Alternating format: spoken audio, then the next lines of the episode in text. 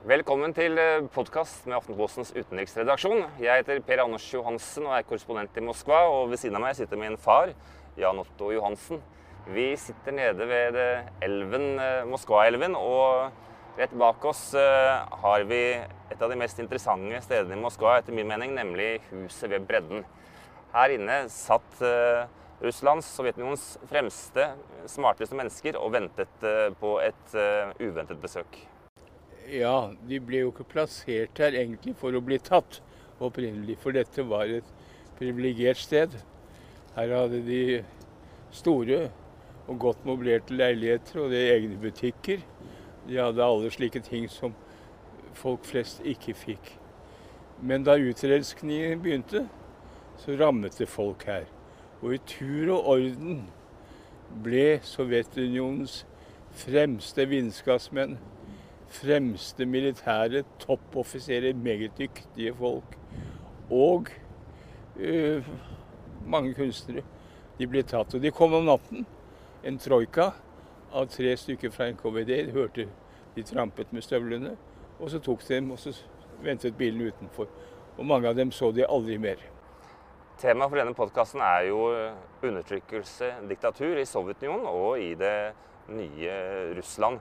Eh, det som eh, skjedde her inne i dette huset ved siden av oss, eh, hvorfor var det en slik katastrofe?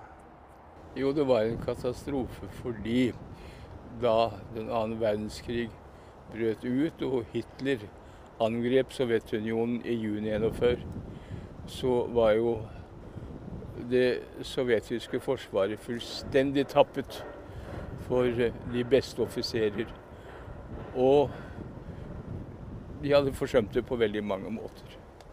Eh, viktig forskning både for økonomien og for samfunnet generelt ble jo svekket.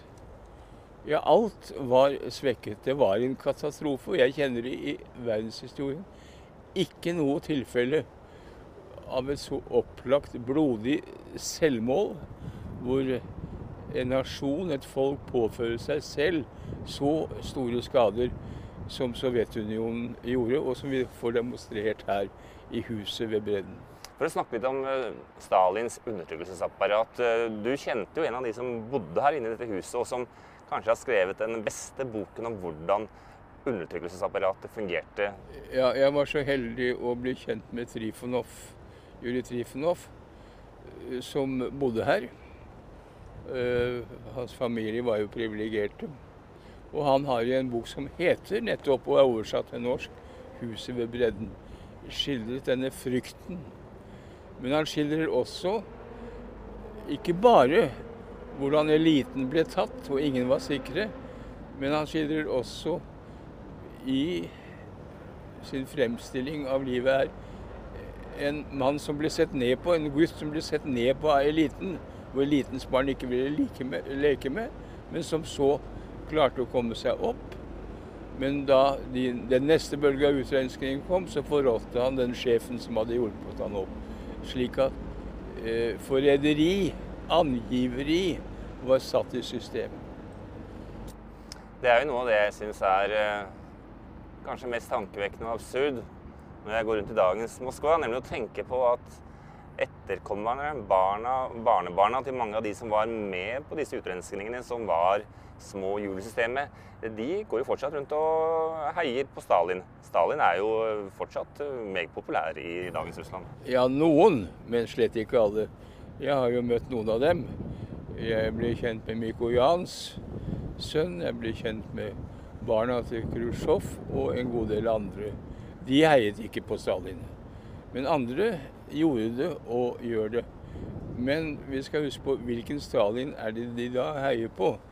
Det er ikke da den brutale undertrykker. Det er han som de mente var den viktigste til å samle nasjonen og forsvare Russland, først og fremst, Razia og Sovjetunionen, mot Hitler-Tyskland. Det er den de heier for.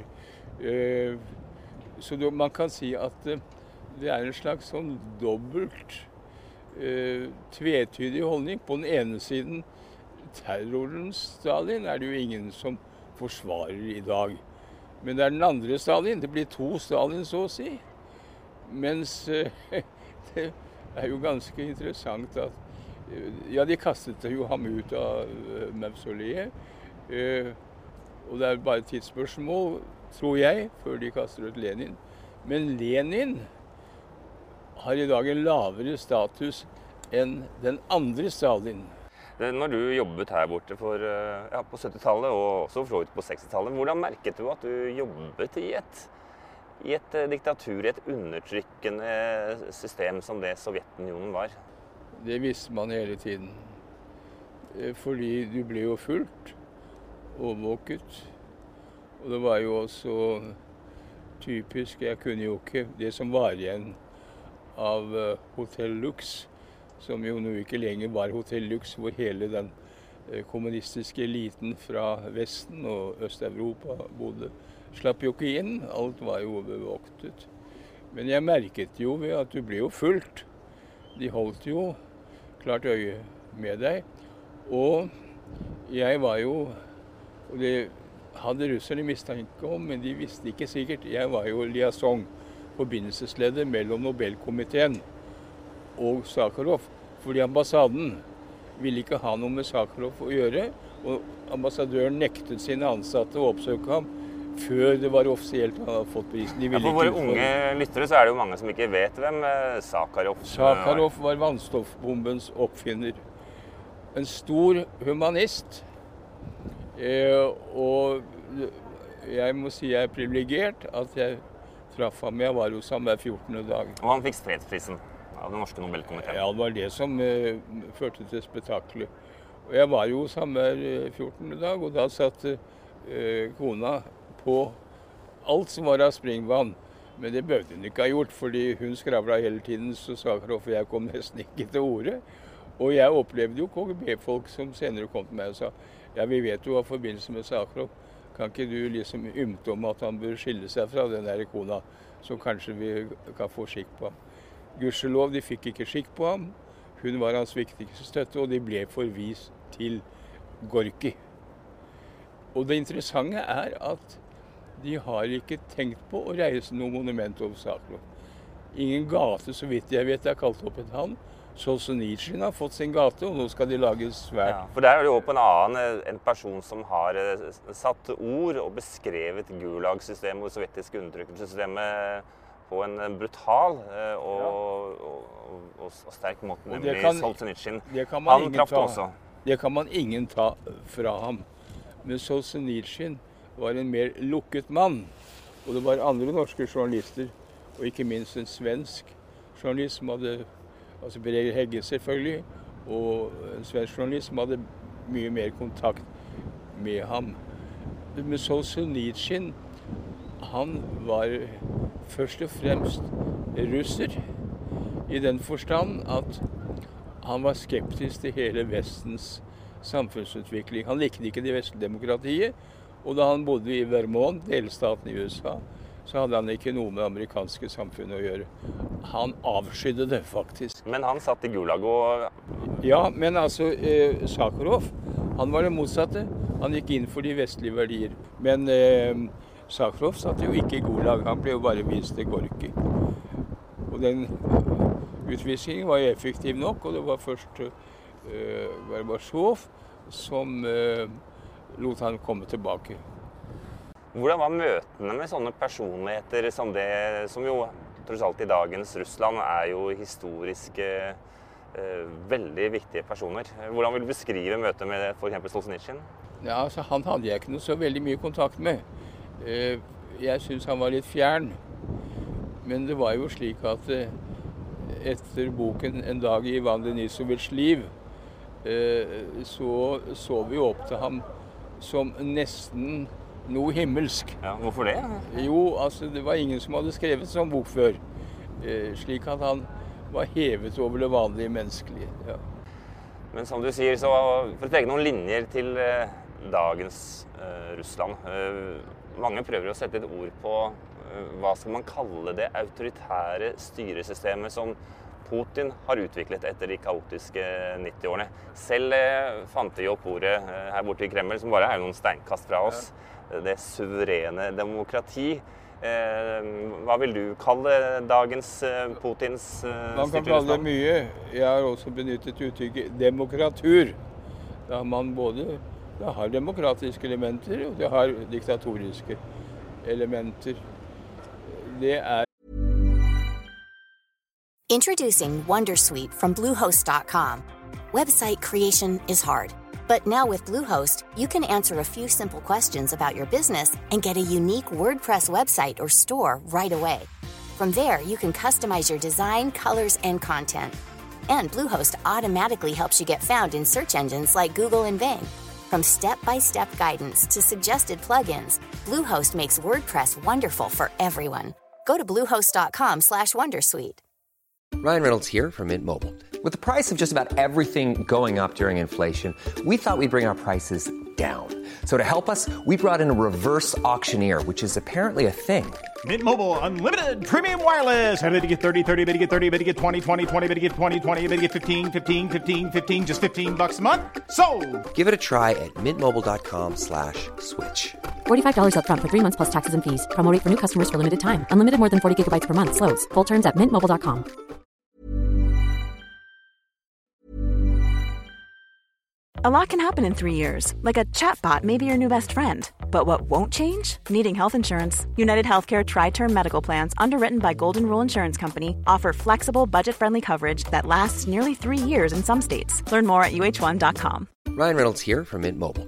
With the price of just about everything going up during inflation, we thought we'd bring our prices down. So to help us, we brought in a reverse auctioneer, which is apparently a thing. Mint Mobile unlimited premium wireless. Ready to get 30, 30, bit to get 30, bit to get 20, 20, 20, bit to get 20, 20, bit to get 15, 15, 15, 15 just 15 bucks a month. So, Give it a try at mintmobile.com slash switch. $45 upfront for three months plus taxes and fees. Promo rate for new customers for limited time. Unlimited more than 40 gigabytes per month. Slows. Full terms at mintmobile.com. et system som er komplett forskjellig fra det parlamentariske demokrati. Har ingen likheter med det. Og etter at Putin har fått kontroll over massemedia, altså det er jo fjernsynet som betyr noe her ute, ikke de eh, standardavisene, de kvalitetsavisene, eh, så behersker de jo opinionen. Det er, det, det er veldig vanskelig for motforestillinger å komme frem. Eh, og det gjør at folk får da et fortegnet bilde av Vesten. Jeg vil våge å si at den russiske propagandaen nå, som mange av disse eh, propagandaekspertene oser ut, er verre, mer primitiv. Faktisk mer primitiv under den kalde krigen. Vi skal komme tilbake til dette med informasjonskrigen i en senere podkast, for det er jo en viktig del av dagens Russland. Men eh, nå etter at du kom hit eh, til Moskva, pappa, så leste jeg jo at eh, den nye antiterrorlovgivningen til Putin har blitt brukt for første gang. Og den ga seg utslag nede i eh, Tsjerkas, hvor altså en Hare Krishna-predikant nå ble tiltalt for å ha drevet religiøs oppvilgeri etter å ha gått rundt og prøvd å overtale folk til å slutte til seg. Hare Krishna, som vi alle vet er en relativt eh, skal vi si eh, Det er en meget fredelig det, dette er jo da det man kaller for vår, eh, vårpakken. Altså en, en samling meget, meget strenge antiterrorlover som Putin underskrev nå for bare en par uker siden. Blant annet så kan nå 14-åringer i Russland eh, bli tiltalt for eh, terrorisme hvis de ytrer seg til støtte for f.eks. IS på, eh, på sosiale medier. Og i tillegg så har jo alle de store, moderne teleselskapene her nå blitt pålagt å lagre alle data i opptil tre år. Det er en sånn, det er en sånn vanvittig storboroperasjon at de har regnet ut at de må bruke altså 120 milliarder eh, kroner bare på datamaskiner for å ta vare på alt dette her. Eh, hva tenker du eh, Og det klarer de ikke. ja, men eh, har, altså, skal vi, Hvordan skal vi forholde oss til at Putin gjør dette i dagens Europa? Ja, man var oppmerksom på at det har skjedd en utvikling. Selvfølgelig ikke så ille i vest, men også i vest. Hvor vi har strammet til, fått mye mer overvåking Og vi har akseptert mye mer overvåking enn vi burde ha gjort, også i Norge. Eh, men her er det et langt større system som selvfølgelig har veldig skremmende sider. Eh, det er ikke noe diktatur slik de var vant til her, som vi har fått. Men det er elementer av det. Altså demokratur. Eh, det er ganske skummelt. Eh, men russerne, de russere flest, bortsett fra intellektuelle og de i opposisjon, de opplever jo ikke det som en sånn undertrykkelse som vi ville ha forventet at de skulle gjøre. Det er også litt skremmende at de faktisk avfinner seg med det. For terrorfrykten er enorm. Og ja, det, det, det tror jeg du er inne på noe som er veldig viktig for mange av de opposisjonelle eller de kritiske russerne jeg møter de har jo alle en veldig stor eh, vi, skuffelse overfor det russiske folk. Som finner seg i at dette skjer. Terrorlovgivningen som var innført, ble jo innført med stor støtte eh, i befolkningen. Bortsett fra at de fleste ikke aner noe om den. Eh, men de som vet noe om den, støtter det. Eh, og bare en par steinkast fra oss her, sånn over den neste broen, det var jo der hvor Boris Nemtsov ble, ble skutt ned og henrettet rett utenfor, utenfor kontorvinduet til Putin. Men de er skuffet over at russerne selv ikke gjør noe. At de aksepterer dette. Ja, men blant russiske intellektuelle forfattere har det alltid vært en eh, skal vi si, tosidig holdning. På den ene siden har de beundret og elsket massene og sett opp til massene, det russiske folk. Eh, som de beste av alle. Og der lå egentlig hemmeligheten. Der lå redningen. På den annen side så har de foraktet det russiske folk. Så denne forakt for vanlige mennesker er jo mye sterkere her i Russland. Og vi opplever det i Øst-Europa også, eh, enn den er i Vesten. Men kronargumentet for å forsvare da, de ulike typer undertrykkelsesapparater man har hatt i dette landet under Sovjetunionen, etter andre verdenskrig og nå i det nye Putins Russland, det er at eh, russere de tåler ikke noe demokrati. Eh, de trenger en sterk eh, leder. Skal noen holde dette her store landet sammen med de ville russerne, så må det hard lut til. Ja, er, måte, er, de dømt til å leve i et autoritært samfunn? Det er en måte å se det på. Og jeg syns det er veldig arrogant av oss i Vesten å si at russerne aldri vil være modne for et demokrati. Det har vi ikke noe rett til å si. Men vi har heller ikke noe rett Eller vi bør ikke være for raske med å si at eh, her kan demokratiet innføres greit og fort. Det var den store feilen etter Gorbatsjov under Jeltsin. Det var to ting de satset på. Det var å innføre kapitalisme, og det har de gjort. Vi har fått en forferdelig vulgær eh, kapitalisme og demokrati. Og så glemte man også de i vest som var med på dette. De glemte at det tok århundrer å innføre og forfine, tilpasse demokratiet hos oss. De glemte at eh, vår kapitalisme også har vært gjenstand for store inngrep og forandring.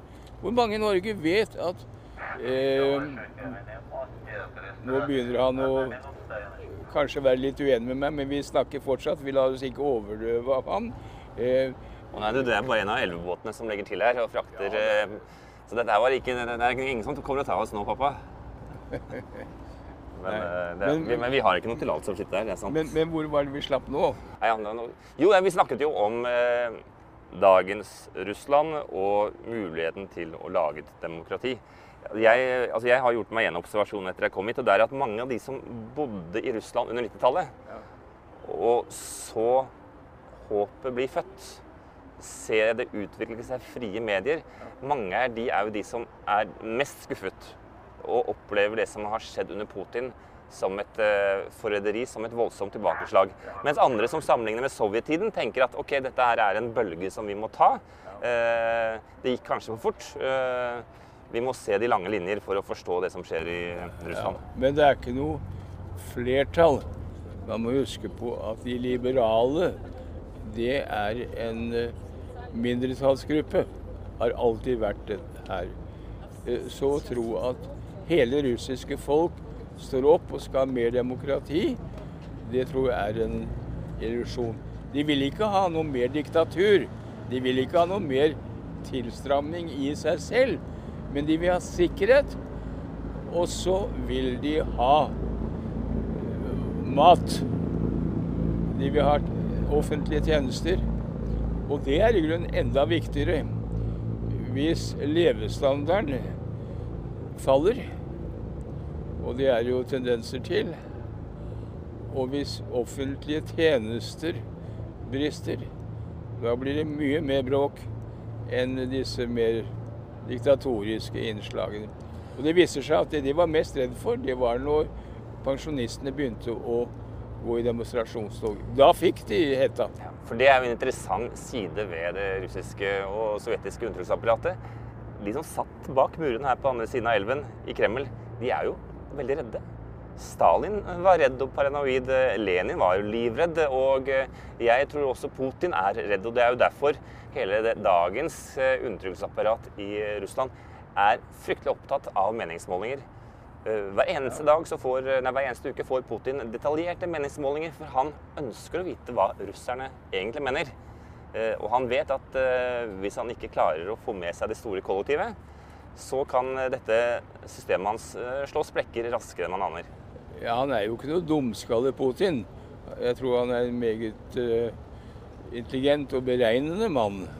Uh, jeg tror han på mange måter er realistisk, selv om mange hevder han ikke er det. Men han må jo frykte en opinion, en folkestemning som kommer ut av kontroll.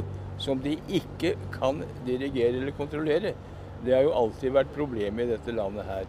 Gjerne hurra, gjerne eh, demonstrasjoner, gjerne ditt og datt. Til og med svære bevegelser og svære demonstrasjoner. Men de må ikke være for spontane og må ikke være altfor ukontrollerte. Da setter vi strek for denne podkasten, som da handlet om eh, undertrykkelse og diktatur i Sovjetunionen og Putins eh, system. Vi er tilbake straks med en ny podkast.